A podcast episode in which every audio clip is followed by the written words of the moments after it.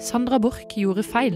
Feil som er uforenlig med å være forsknings- og høyere utdanningsminister. Hun ba om å få gå av, og det var rett. Dette sa statsminister Jonas Gahr Støre under en pressekonferanse denne uka. Sist fredag ble det nemlig gjort kjent at Sandra Borch trakk seg fra sin posisjon som forsknings- og høyere utdanningsminister etter det hadde blitt avslørt plagiat i hennes masteroppgave. I masteroppgaven, som hun skrev for ca. ti år siden, hadde hun henta tekster fra seks andre oppgaver uten å oppgi kilder. Skrivefeil som var å finne i disse oppgavene, var også å finne i Borchs oppgave, og over 20% av masteroppgaven hennes var plagiert. Hun tok en mastergrad i rettsvitenskap ved UiT i 2014, og oppgaven hennes omhandla sikkerhetsregulering i norsk petroleumsrett. Universitetet i Tromsø, der Borch avla mastergraden, undersøker nå oppgaven på nytt, og Borch risikerer utstengelse fra UiT, og juristtittelen som hun har, kan bli inndratt.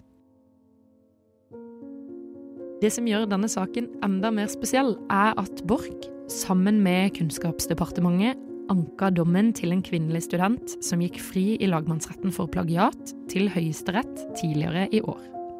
Den kvinnelige studenten ble tatt for selvplagiat, som vil si at hun hadde brukt en av sine egne tidligere oppgaver og ikke referert tilbake til denne.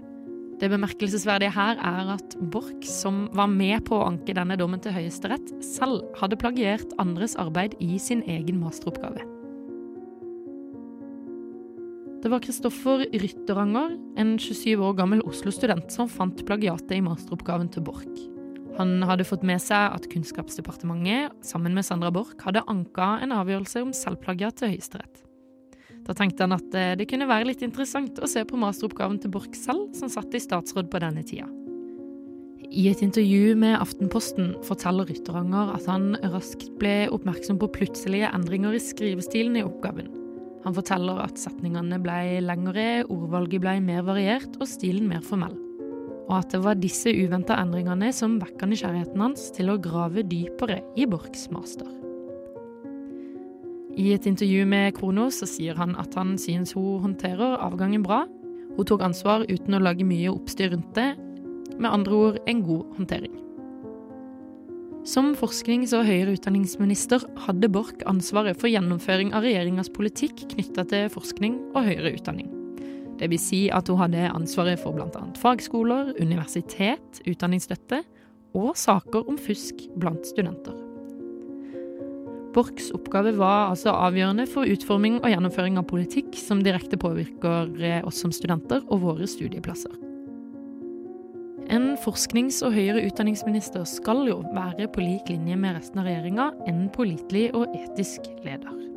Og avsløringa av plagiat har hos mange skapt tvil om nettopp disse kvalitetene i denne posisjonen. For det er jo ingen krav om mastergrad for å være statsråd. Vi kan heller se på det sånn at det er et tillitskrav, og i Sandra Borchs tilfelle er det snakk om et tillitsbrudd og heldigvis kan tillit gjenopprettes etter tid. Det reiser seg likevel med dette spørsmål om en tillitsdebatt til våre politikere, og i hvilken grad vi kan stole på politikere som blir valgt inn i regjering, og om de kan gjøre en god og rettferdig jobb for oss i Norge, og i dette tilfellet for oss som studenter.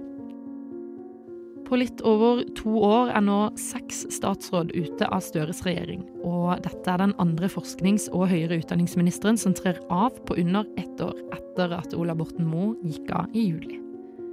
I etterkant av hennes avgang har også flere sagt at det står respekt av at hun ser sine egne feil, og at hun velger å gå av.